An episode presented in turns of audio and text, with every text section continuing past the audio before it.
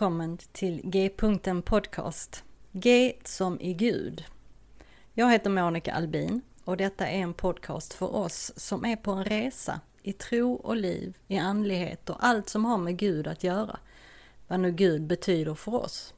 En öppen atmosfär där inga frågor och funderingar är dumma och där vi tillsammans ska få vidga vyerna. G-punkten betyder att Gud är mittpunkten, i centrum av samtalen och genomsyrar allt och alla.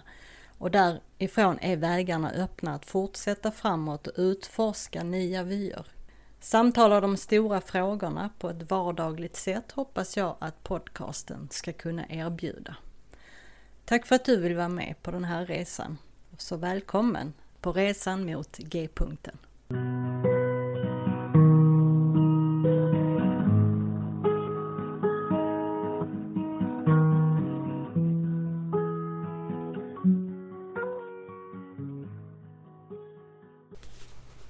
Hej och välkommen tillbaka till G-punkten Podcast.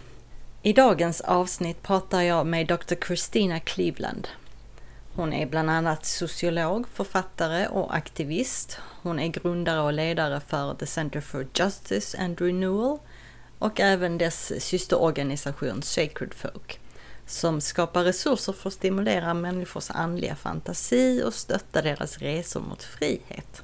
Nyligen släppte hon boken God is a Black Woman där hon beskriver sin cirka 65 mil långa pilgrimsfärd i Frankrike för att besöka gamla Black Madonna-statyer och också undersöka förhållanden inom ras, kön och kulturella uppfattningar av det gudomliga. Hon väver samman Black Liberation och det heliga feminina och så integrerar hon psykologi, teologi och berättande för att starta vår andliga fantasi. Vi pratar om hennes egen historia, hennes egen trosresa och en hel del om hennes bok. Det är ett mycket trevligt och öppet samtal och jag rekommenderar verkligen boken. Eh, den finns även på Storytel om du tycker om eh, ljudböcker. Så då dröjer vi inte längre. Hoppas du får en trevlig lyssning.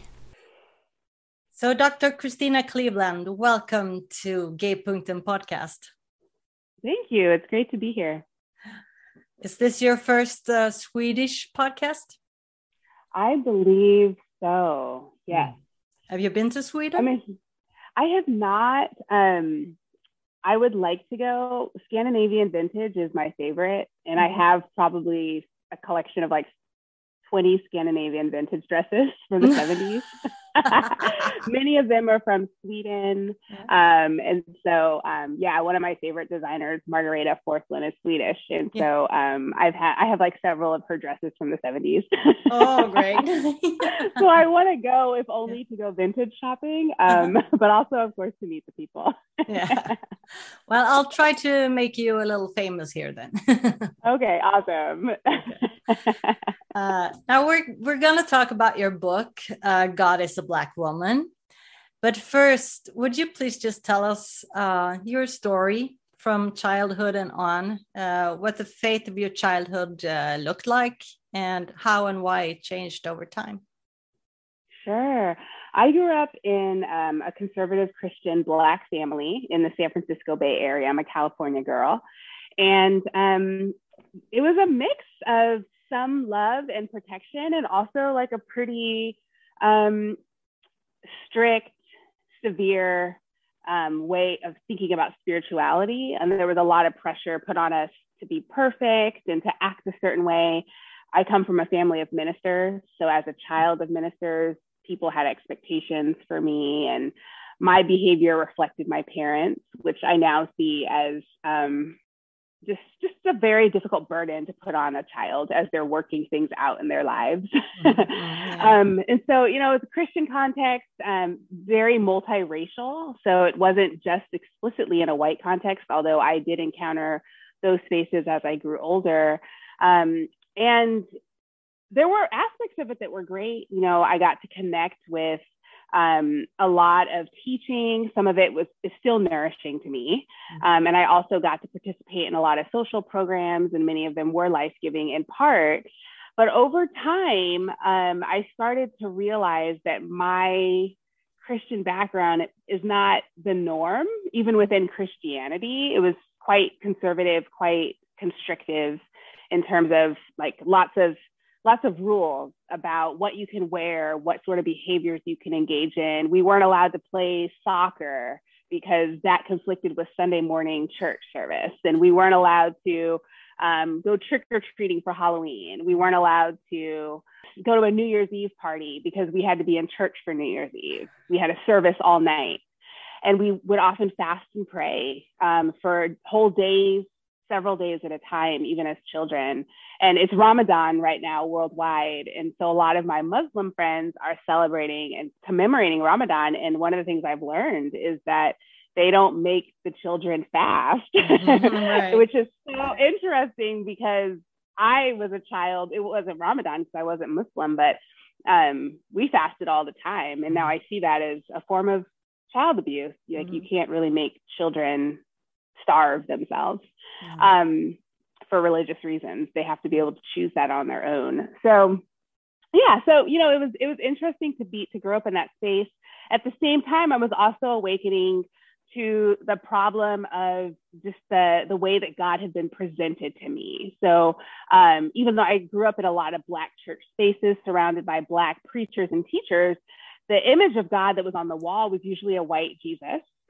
Um, and as I grew older and the US had a pretty like sort of national consciousness awakening around race, um, when I when I was in my early 30s, particularly with the murder of Trayvon Martin by the mm-hmm. the white man George Zimmerman, which I know was something that a lot of people around the world were tuned into. Um, that was an awakening for me to just realize, you know, there's a big chunk of our country, particularly people who are Christian, who don't see Black life as as valuable, mm-hmm. as worth protecting, um, as inherently good and sacred. And so I started because I'm a theologian and social psychologist. Of course, I was making the connections between this white Jesus and how Jesus is perceived as sacred and perfect and, and pure, and then also the fact that they, there's a there's a way in which our culture here in the U.S. affirms that of white people, but not of Black and Brown people. And so, um, as I continued awakening, I also started to make the connection between the fact that the Christian God is typically presented as exclusively male, not just exclusively Black. And that's when I started to realize, of course, the Me Too movement is happening because women are not seen as pure, as trustworthy, as valuable. Our testimonies are not taken seriously. Our experiences are not seen as um, experiences that should inform all of society.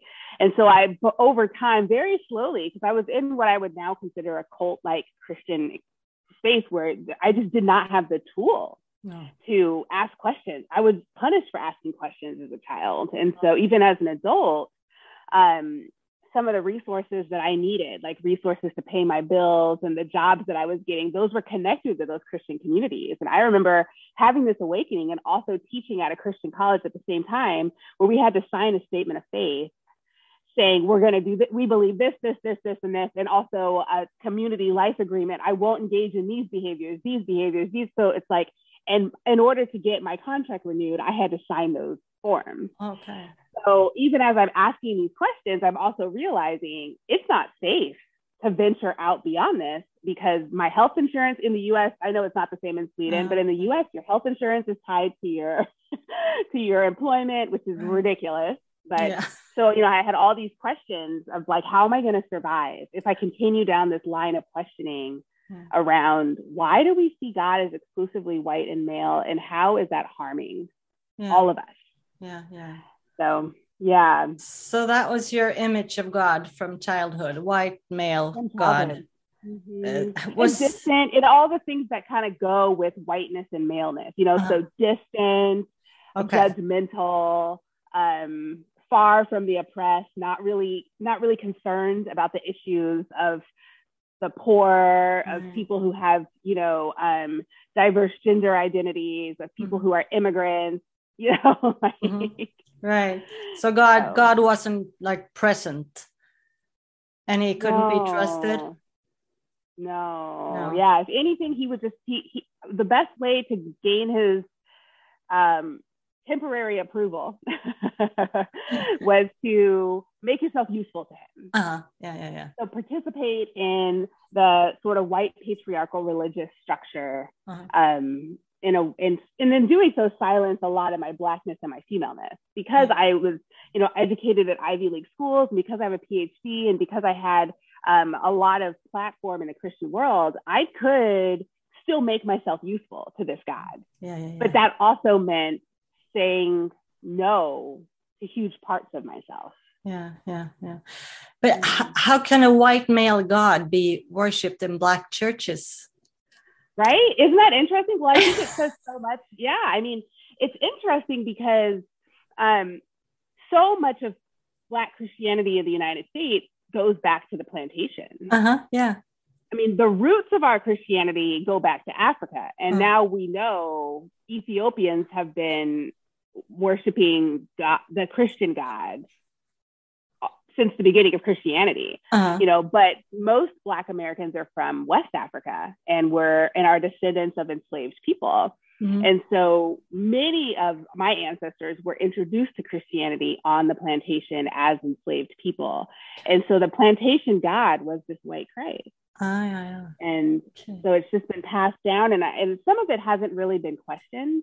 No. Um, it's not always the case. Sometimes you find churches that um, that don't that don't worship a white God. You know, they they have a black Jesus, and they're very intentional about that because mm-hmm. there has been a liberation theology movement in the United States around mm-hmm. the Black Christ.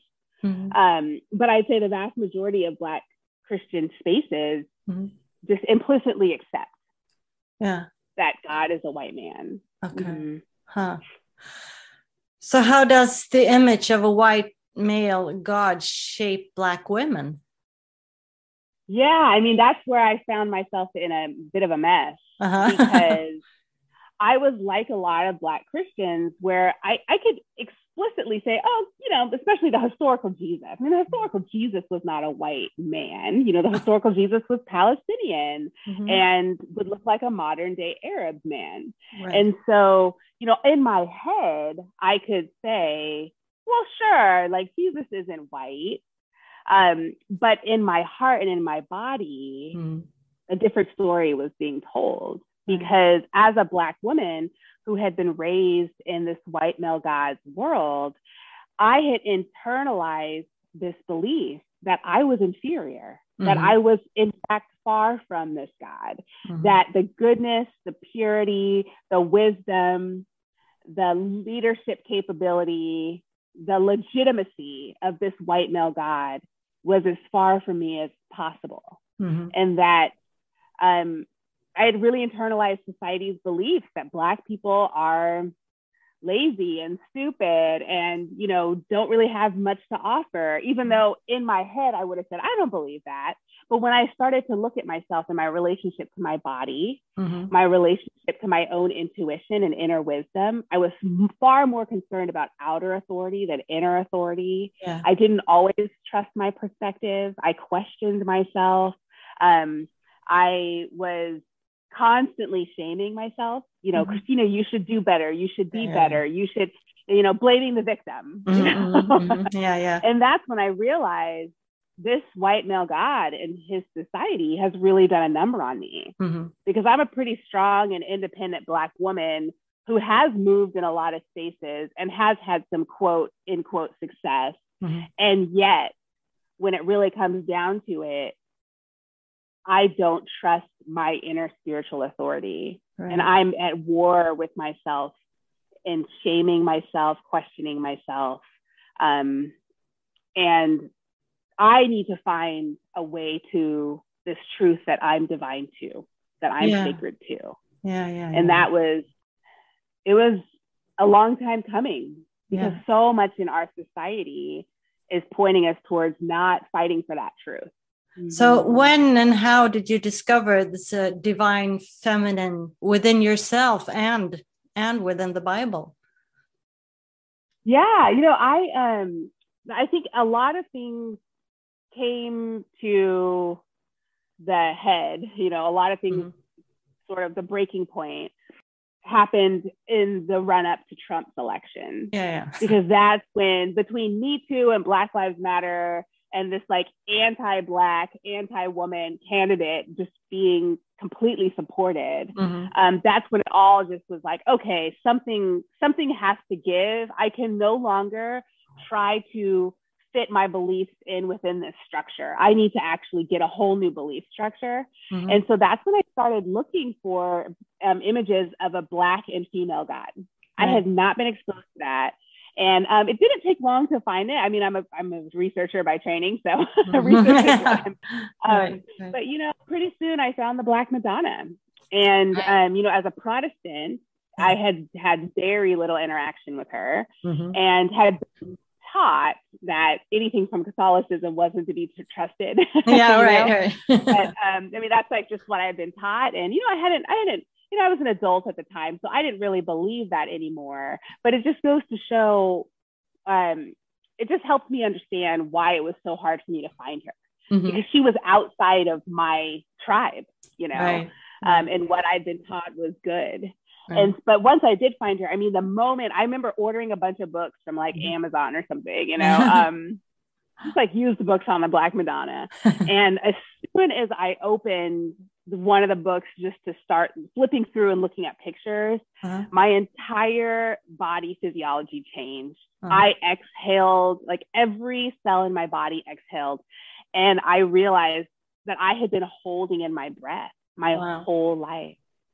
And um, I just looked at her and I knew like this is proof that I'm not the only one who's been looking for something other than this white male American Christian God. right. And this is proof that people for centuries and around the world have affirmed the sacredness of Black femininity. Mhm. And I started just reading stories about her. Mhm. And I started just connecting with her beauty and her strength and her dignity. And over time, just having an icon, an image of the divine that looked like me really healed my self image, my own relationship to myself. yeah. I was finally able to say, I'm sacred too. I have something here that I got from a friend many years ago. Now I don't not really sure, Oh, Yeah. but could this be? like Coptic or Orthodox. yeah, yeah. Mhm. Yeah. Totally. Yeah. Yeah. I mean, um, many of the, I mean, I have several Coptic icons or Orthodox icons that look like that. They're Yeah. beautiful and they're painted on wood like that Uh-huh. too. And I love that. Yeah. Yeah. And, um, you know, the pretty much based on the research that I've read, um, Mary, the mother of God, and Jesus were exclusively depicted as black and brown Mhm. up until about the fourth century. Okay. that's that's where we have records. Like that's where we start to see um, white versions of them. uh-huh. But I mean, the understanding across the ancient world as Christianity grew was like Mhm. these are black and or brown people. Yeah, yeah. And so um, some of those, many of those like older traditions have images like that one you just showed me or the ones that I have where it's like, oh, that's so interesting. Like yeah, yeah. white Jesus did not exist for a long time. Yeah. right. white Right. Jesus was actually like invented. Uh-huh. know? Oh yes, yes. Yeah. And so just yeah, so just even looking at the it's just neat to go back and be wow, they there was a time when white Jesus didn't exist. Right. I kind of want to go there. Yeah. I want to travel back there and see what it was like. yeah, really, really. Uh, uh, you named your book uh, "God is a Black Woman." Uh, I can imagine you've had some pushback. on that yeah, yeah.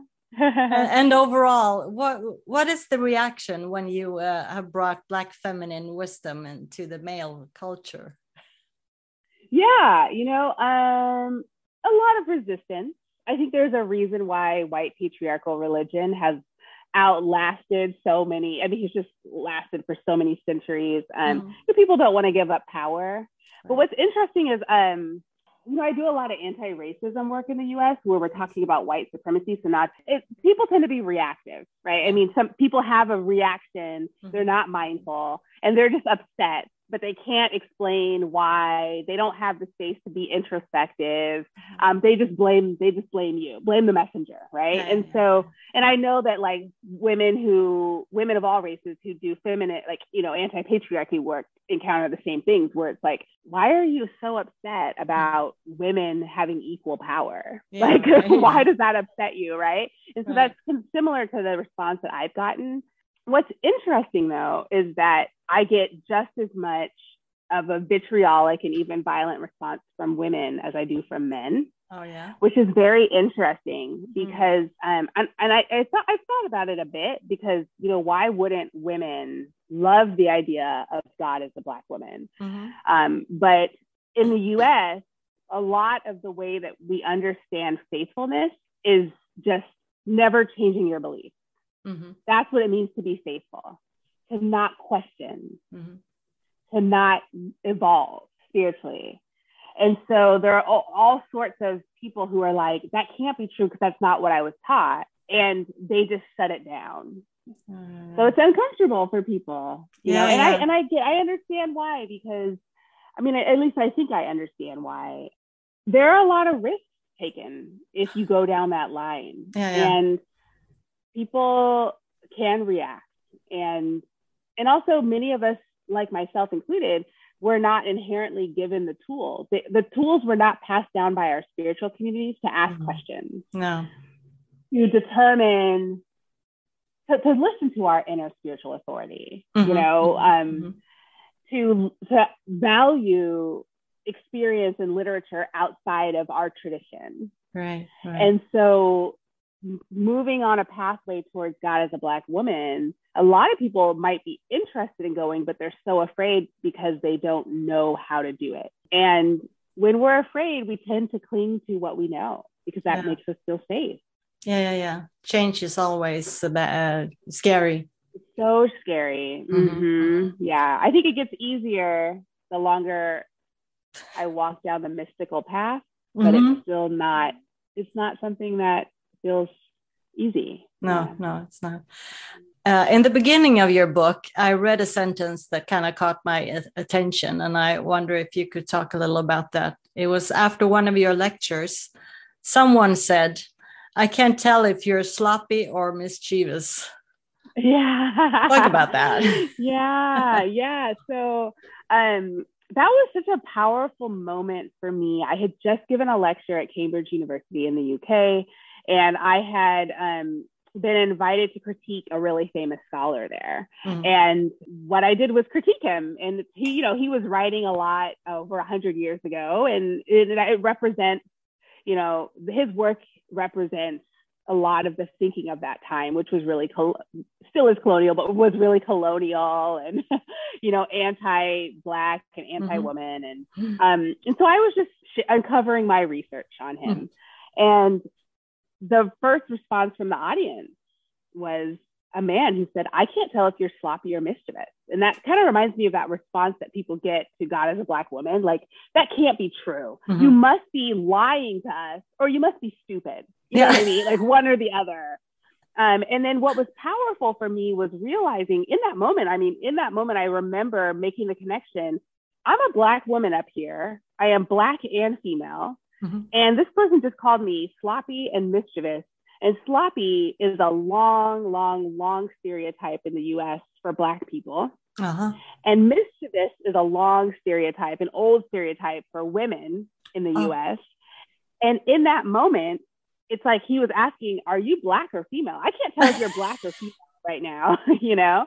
Um, and it was just so powerful that just off the tip of his tongue, he had these these really negative and hurtful stereotypes mm-hmm. to just throw at me in his reaction. He didn't mm-hmm. like that I was critiquing one of his favorite scholars. Mm-hmm. And rather than engaging in real academic dialogue, which it wasn't a perfect lecture, I know that there's no such thing as a perfect lecture. No. So and later on in the dialogue, the other people asked questions that were like legitimate critiques, you know, mm-hmm. like, hey, I didn't quite make the connection between this point and that point you were making, or can you go back to the data? You know, just yeah, yeah, yeah. legitimate critiques. Eh, but he wasn't able to do that. And it's no. just powerful to to think about how oftentimes when people are threatened, mm-hmm. they just go to the violent stereotypes. Yeah, yeah, yeah. yeah. So it was just it was really an interesting moment. yeah. yeah. Yeah. In your book, you also you write about your pilgrimage to France uh, to visit several of the Black Madonnas.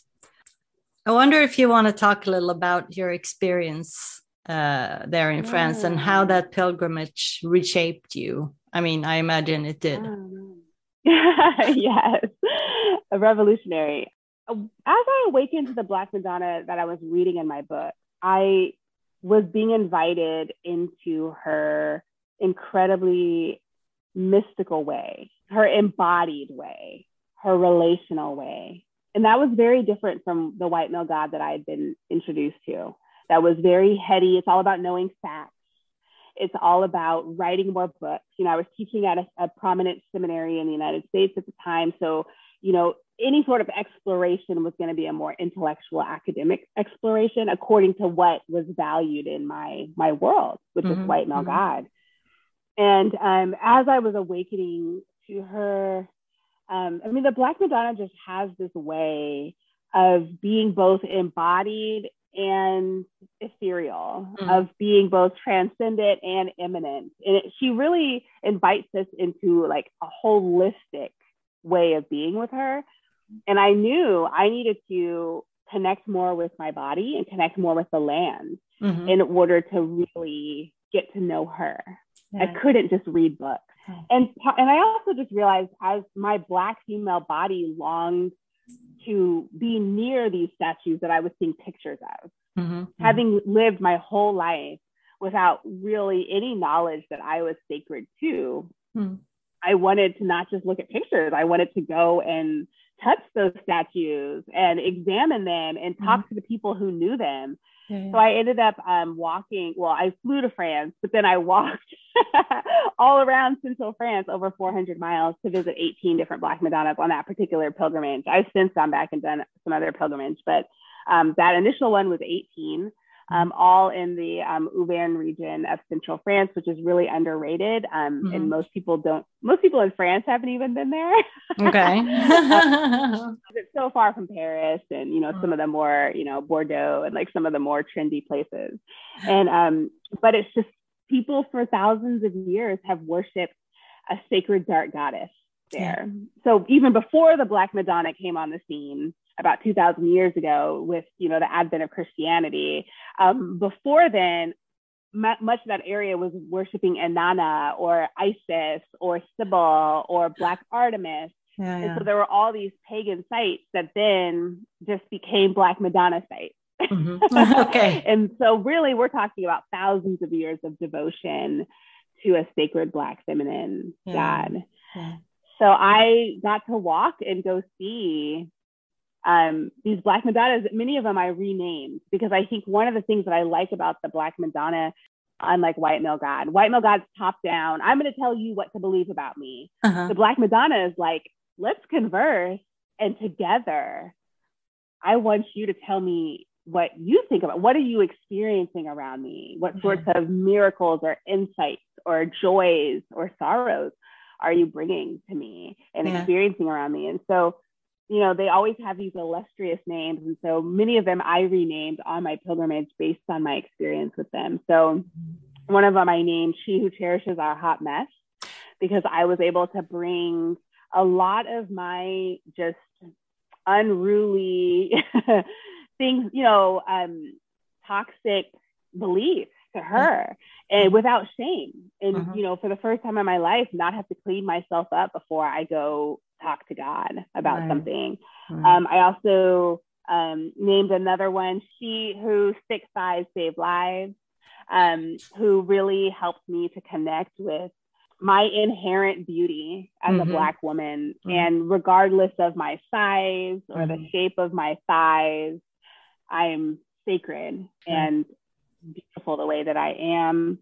Um, there's another one I, I named um, Our Lady of the Side Eye, and mm-hmm. she's someone who just has so much attitude and spunk against white patriarchy. She's yeah. the one who's just like, enough, enough, enough, let's rise up. Mm-hmm. You know, so there were so many that I got to go and connect with, and different, they, all of them were different sizes, different ages. I think they range, the oldest one I visited on that particular pilgrimage was probably about a thousand years old. There are much older Black Madonnas, and the youngest one I visited on that pilgrimage, she didn't make it into the book, but um, she was only about 20 years old. Oh, and so, you know, there are some newer ones that are that communities in France are are commissioning and creating. Really? Even more recently. And there's another really relatively recent Black Madonna in South Africa who's mm. about 50 years old. So there are some that um, the community basically decides like we need an image of a sacred black feminine god mm-hmm. and, and the one in south africa was during the anti-apartheid movement and so they were like we need a reminder that god is with us and on our side so they actually mm-hmm. commissioned a black madonna to yeah. be made um, so there's a lot of those but you know the the ones on my pilgrimage in france tended to be older um, renaissance or renaissance or, or, or late middle ages and then um, all different sizes. The smallest one was about 12 inches. Oh, yeah. The largest one was about life size. Uh-huh. Um, and some were in major cathedrals that are mm-hmm. like you know, UNESCO heritage sites. Some were in tiny, tiny towns that I barely found. You know, like I had to. They weren't even on the town wasn't even on the map. You know?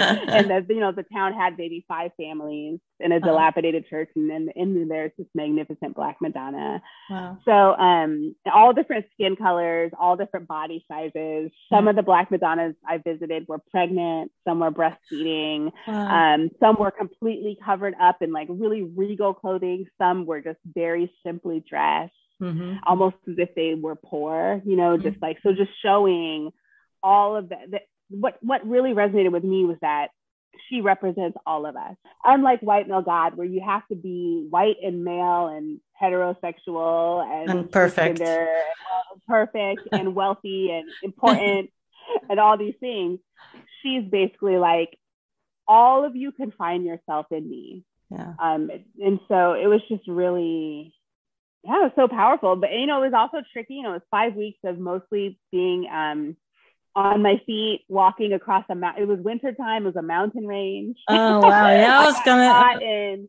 Yeah, yeah. Yeah, I was gonna ask. Are you, do, do you do you hike? I mean, normally. Um, I've because of my Black Madonna pilgrimages, I think I've become more outdoorsy. Okay. But historically, I'm not. No. but um, I when I decided to walk on the pilgrimage, which felt very spiritual to me because mm-hmm. I wanted to connect with the ground and connect with my body. You know, of mm-hmm. course, I could have rented a car or done whatever, but I was just like, I it's important to me. And also, historically, people had to walk to the Black Madonnas right. because there weren't cars. And also, many of the pilgrims were the most marginalized people. And so they, even if they had, besides the fact that they didn't have cars back then, they didn't even have access to horses mm-hmm. or carriages or, mm-hmm. so, you know, these folks walked um, yeah. along roads that were not nearly as well maintained as the roads I walked. Yeah. um, and they certainly couldn't, you know, call a cab if they got lost or, mm-hmm. you know, like they didn't have Airbnbs to stay in at night um, like I did uh, mm-hmm. uh, my journey. But yeah, um, when I decided to walk the pilgrimage, it was in July of 2018. Mm-hmm. And I, I went on the pilgrimage in November. Oh, wow. And so I actually started um, training for it, essentially. Mm-hmm. I, I got connected to someone who's a, a leader in the movement of contemplative walking. And he helped me plan out like first of all he helped me find the right gear mm-hmm. really like there's so many technical things like every 10 miles you need to switch out your socks you need to have a specific type of socks so that you don't mm-hmm. get blisters you need to have a specific type of shoes so you don't get blisters like but then also he helped me train so i started going on 10 15 mile walks mm-hmm. just in my neighborhood and then adding bricks in my backpack to, so that like i could get used to walking with yeah. you know and that kind of stuff so i did train for it uh-huh. um, and one of the people who reviewed the book just mentioned kept talking about my athleticism, you know, yeah, yeah. and I, I hadn't thought about it, but yeah, like I mean, walking 400 miles across a winter mountain range requires a bit of athletic ability. Yeah. And so um, I'm glad I was able to do that. Mm. Yeah. I know not I know not everyone can. So it's Right. it's been fun for me to bring the book my stories to people all over the Mm. world because a lot of the people I who are reading the book and are not able to go on a, a walking pilgrimage like that for mobility reasons. So how did it reshape you? Um, I mean, on the inside, I, I, I guess your body was a lot more fit, but, but it- It's so funny. My, I guess my body was maybe a little bit more fit, but I only, um, I don't think I put this in the book. I can't remember now if I put this detail in the book, but you know, I have this long history of eating disorder, Yeah. and um, one of the things that healed that was like a major turning point and just oh gosh, transformation was Mhm. just letting go of the need to be a certain size because that is what I had been taught by white male God was that I had to be thin in order to be valuable, Mhm. to be attractive, and to be inherently good. You Yeah, yeah. know? yeah, yeah. Able to, you know, through my connection to the Black Madonna, through my therapy and this whole sort of journey, I was able to separate those two. And it was really important for me to not lose weight on the pilgrimage because Right. I wanted, because I was up until my mid 30s, I was just obsessed with losing weight and obsessed with looking a certain way. And I felt like yeah. the whose thick thighs save lives was Mhm. dying to release me from that. Mhm. yeah, yeah. Prison, that prison. Um, so actually, it's funny because um, I weighed myself at the end of my pilgrimage and I had only lost two pounds. I worked with a nutritionist because I was adding so much food. I mean, when you're walking 18, 20 miles a day, Mhm. you just have to be really intentional about eating every hour, Yes, um, eating carbs and protein every hour. yes. And so you, so we added all this food, and that was really important to me that I wasn't, you know, quote more fit afterwards. Mhm, mhm. um, I was more um, spiritually fit because I was able because I was getting enough food and I wasn't focused on my body size. I was able to actually be present in my body and actually walk up to each of these black madonnas with an with enough food to be present, you Mhm. know, with enough rest to be engaged and to just show up fully connected, which is amazing, amazing.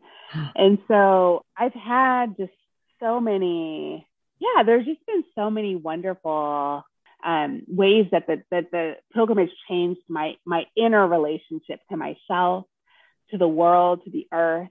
Mhm. Um, and I also feel like, you know, the, the pilgrimage, that initial pilgrimage in 2018 was really just the beginning Mhm. because I remember visiting the last couple of Black Madonnas, maybe two, three days before I'm going to head back to the United States. And I just remember thinking, this has been a great pilgrimage. I've had all these moments, you know, that are um, transformative and alive. And I have a choice. I can do what I've been taught to do, which is leave everything here because Mhm. white male God is all about. I feel like it again. You know, when I was a kid, we were we were not taught to bring our spirituality really into our world.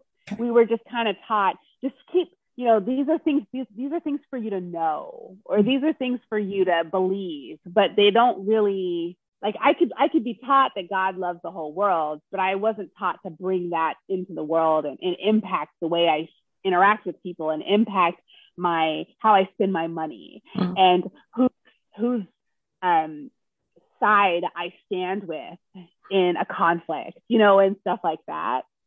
And so I just knew I can I can keep doing that. I can just be like, you know, all these great journal entries. I could maybe even write a book. But the really the question is, am I going to take all of these transformative experiences and apply them to my real life back home? Because being on pilgrimage is great. Everything's awesome. You feel so connected.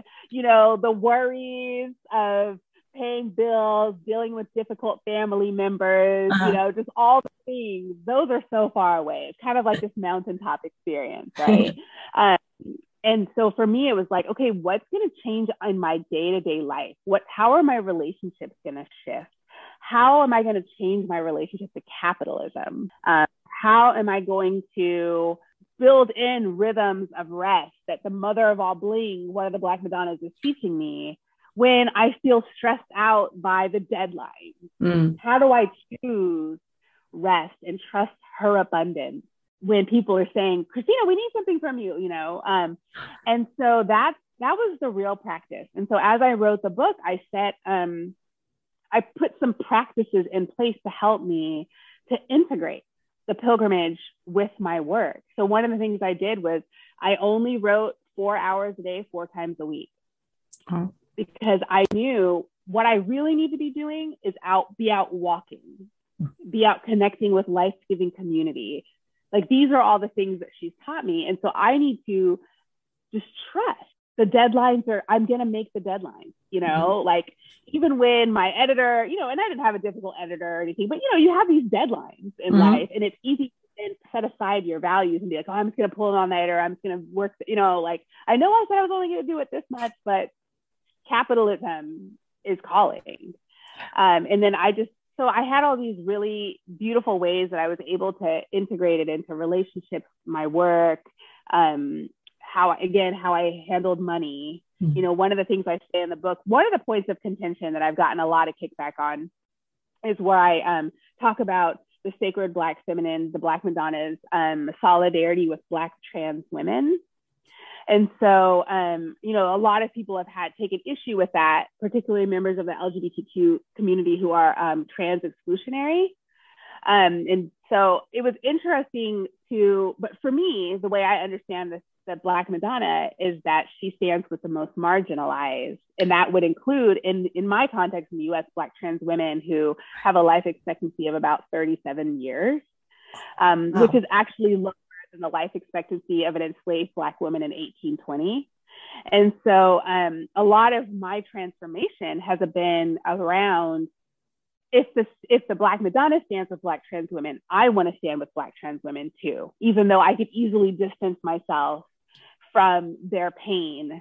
Um, and the average Black trans woman in the United States will make less than ten thousand dollars this year, so just extreme poverty, and will be will have major issues with housing security because landlords will often not allow them to rent, um, or and a lot of employers won't won't hire trans, Black trans women, to say nothing of the fact that they're being murdered um, at alarmingly high rates.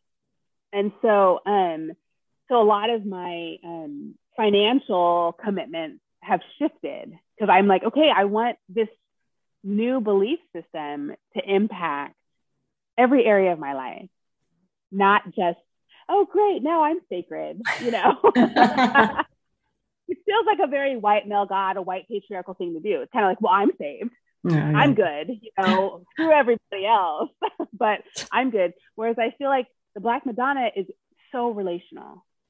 And I can only understand my sacredness if I if it's also in the context of the sacredness of everyone. Right. Especially the most marginalized. Right. And then what does that look like for me, mm-hmm. practically speaking? How does that impact my bank account, the types of justice work that I'm engaged in, the types of thinkers and leaders that I'm supporting and listening to. You know, that's that's where I feel like the real transformation happens mm-hmm. is in that the day-to-day life where I get to ask myself, if I really believe God is a black woman, how will that impact this decision I'm going to make? Now, I I love your book. I I listened to the audio version, and then I got a PDF copy before this interview, and I can relate to a lot of what you write, and I love it when I learn new things, and, and it opens up whole new worlds for me.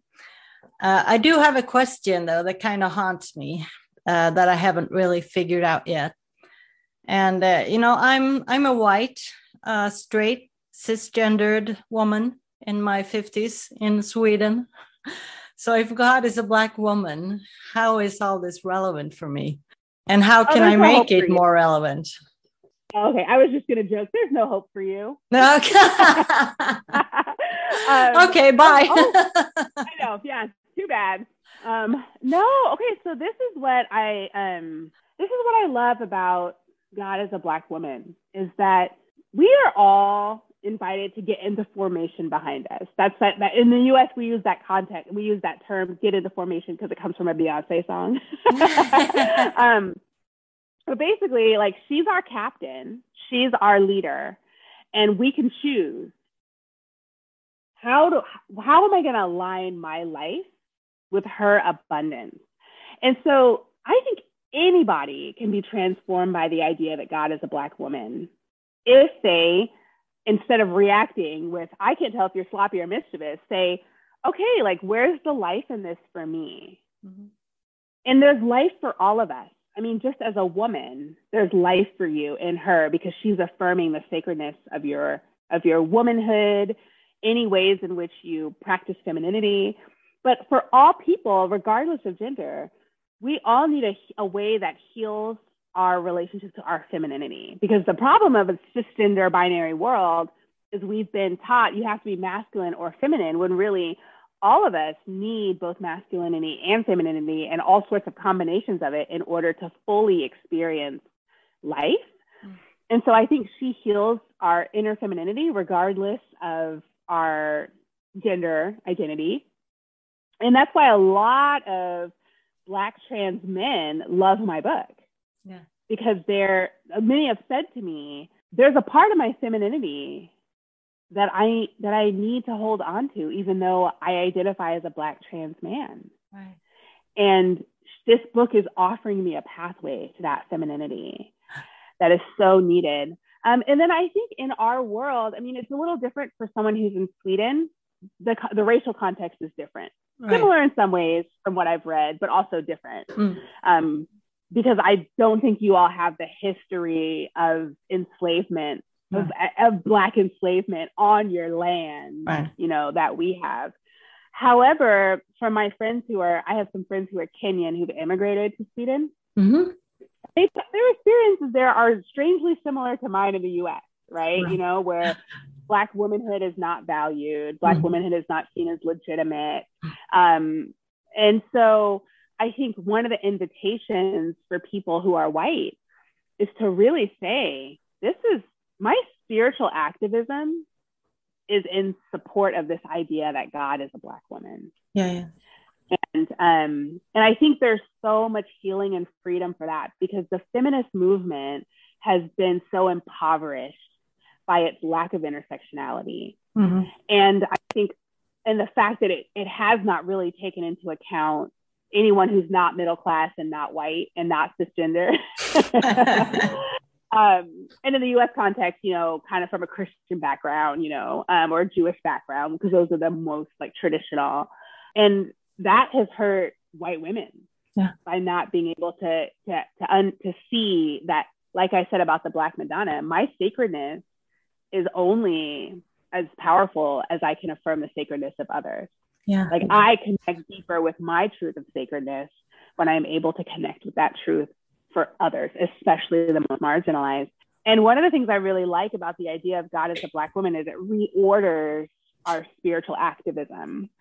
It says, let's start with the people that are most marginalized, which I think in the US would be like Black trans women and then also like Black, uh, like trans Indigenous women, you know, like yeah, Black yeah. people and Indigenous people deal with a lot here. Mm. Um, not, not to make light of anyone else's struggles amongst, you know, people of color, but it, it's a reordering. So it's like, okay, this is what I'm going to prioritize mm-hmm. in my in my spiritual activism. Yeah. Right. So there's there's room for all of us. The only thing I say, and you know, you probably read this in the book, is that you know, all of us are invited, but all of us aren't ready. Yeah. Right. You know, and um, I did a live conversation last two weeks ago. Yeah, two weeks ago. And um, a bunch of white women came to it amongst everyone else. And um, one of the things that I often do in my online spaces is by is I make a point of saying we're actually going to center Black, Indigenous, and people of color. And mm-hmm. one practical way that we do that is that in the Zoom chat, the people who get to use the, the Zoom chat and connect with each other in the Zoom chat are Black, Indigenous, and people of color. White folks, we're going to ask you to reserve that space for the Black, Indigenous, and people of color to connect and not use the Zoom chat to make it a safer space for the Black, Indigenous, and people of color, the BIPOC folks. Um, and we're inviting white people to use the private t- chat with the moderators if they have questions or if they want to speak up, right? Yeah. What was interesting is so many white women were up in arms over being restricted in this way. So rather than saying, oh gosh, that sounds great, like let's create a safe space for the Black and Brown people who are here for this conversation on God as a Black woman, you know, they were like, it's this is ridiculous. We literally got feedback, multiple feedback from people saying, this is ridiculous. It's not, it's the patriarchy that divides us, not race. Oh. And so it's interesting how there are a number of white women who want to lean into this conversation, but are clearly not ready right. to lean into this conversation. Right. right. Um, and so this is not a space where white people or men can just bulldoze their way through. That's the white patriarchal way, right? Mm-hmm. To be like, well, I've decided that I belong here, therefore I belong here in the way that I want to be, you know, and don't put any restrictions on me and don't say, you know, this idea that something could just be for someone else, mm. you know. um, and so it's interesting to just realize, yeah, that she does for for all of us who are not literally the most marginalized, she requires us to change. Mm. She required me to change around my behavior and activism with Black trans folks. That's her invitation. And it's different than, it's different from white male God in the sense that it's like, you better do this or else. But she's like, Christena, I'm trying to heal you. Your sacredness is connected to the sacredness of Black trans women. Right. I'm trying to heal all of you. I'm trying to help you let go. I'm trying to let you get out of this binary gender way of thinking that's actually just harming you. mm-hmm, mm-hmm, mm-hmm. Right. to those white women who are so convinced that it's patriarchy and not any sort of white supremacy that divides us, her invitation is I'm trying to heal you from your whiteness. Come, come learn in this way. I know it's uncomfortable. I know it's different. I know you're not used to not having access to everything you want to mm-hmm. have access to. Right. But this is the process of cleansing. And so it's that invitation's always there. That's what I really like about the Black Madonna. She's yeah. she always wants us to be leaning in. And she has like just like a mother, she has real ideas on the healthiest way for us to do it. Mm-hmm. yeah, yeah. right. Like I'm trying to, I'm out here trying to save your life. You know, I just spent two weeks with uh, two toddlers, yeah. and I'm like, I really just want you to be alive at the end of the day. You know what I mean? Like that's why I'm telling you you can't jump off that thing or you know, like it's not because I'm trying to ruin your day. I'm just concerned that you'll hurt yourself.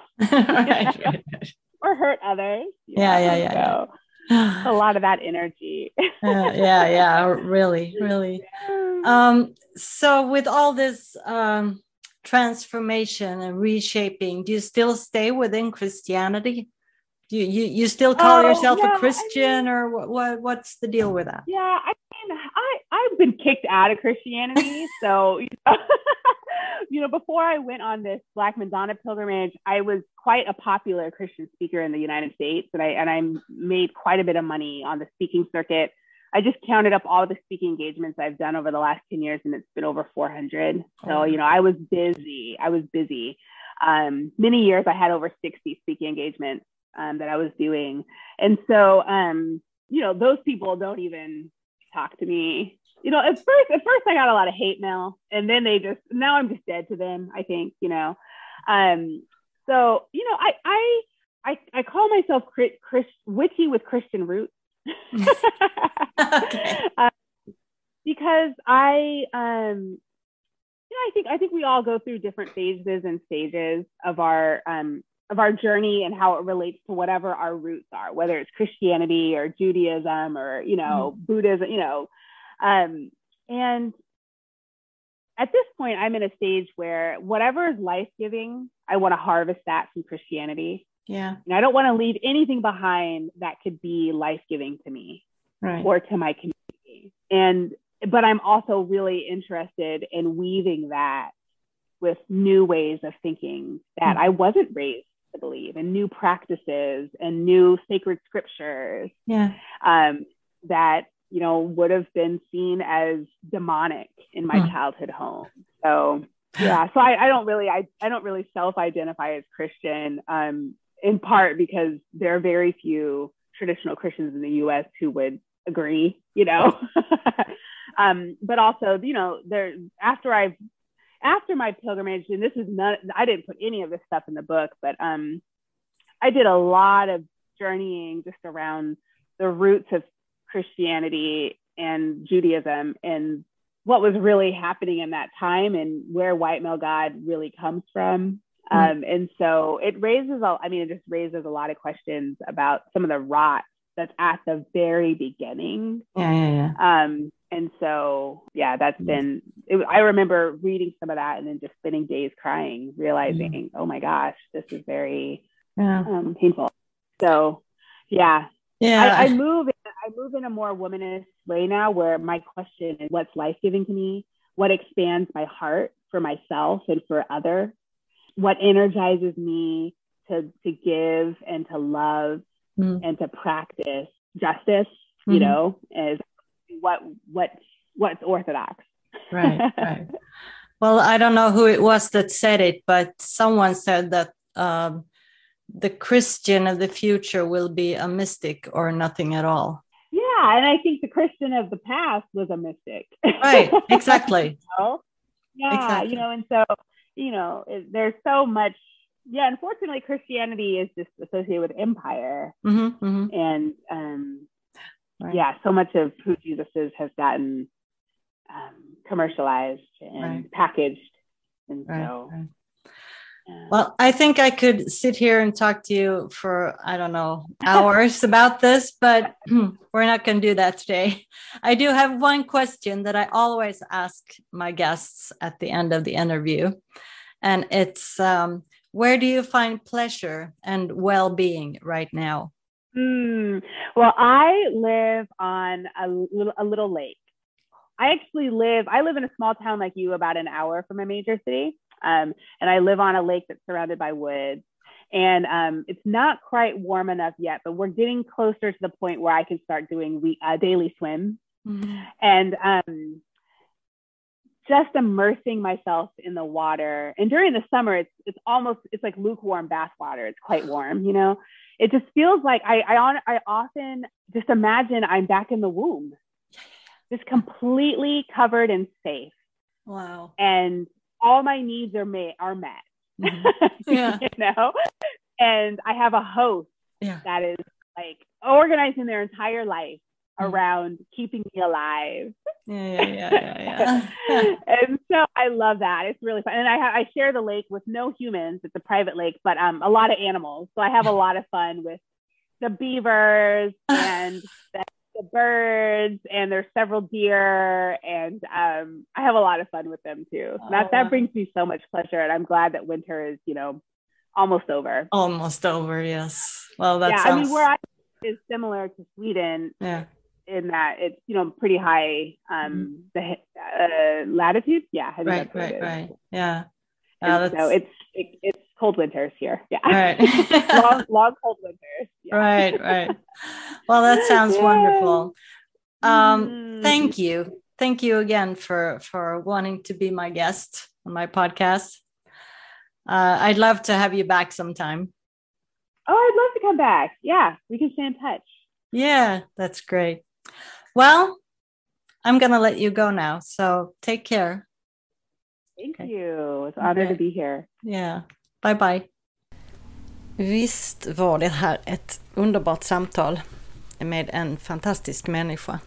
Hoppas att du tyckte det var lika bra som jag. Och om du gillar det så gilla och dela gärna avsnittet på dina sociala medier till dina vänner och följ podcastens Facebook-sida och blogg. Kanske vill du skriva dina egna frågor, undringar, funderingar och kommentarer. Det här ämnet är ju lite speciellt ändå. Gör gärna det i kommentarsfältet under avsnittet på Facebook-sidan eller kommentera på bloggen. Så vill jag avsluta idag med en, eh, en välsignelse för ett brinnande hjärta. Må Gud välsigna dig med olust inför enkla svar, lätta sanningar och ytliga relationer, så att du må leva från djupet av ditt hjärta. Må Gud välsigna dig med vrede över orättvisa, förtryck och utnyttjande, så att du må arbeta för rättvisa, frihet och fred. Må Gud välsigna dig med tårar att fälla för dem som lider av smärta, avvisande, svält och krig, så att du må sträcka ut en hand till tröst. Och må Gud välsigna dig med dåraktighet nog att tro att du kan förändra världen, så att du kan göra det andra kallar omöjligt. Må välsignelsen från Gud, skapare, förnyare och upprätthållare vara med dig nu och för evig tid. Vi hörs nästa vecka. Hej då!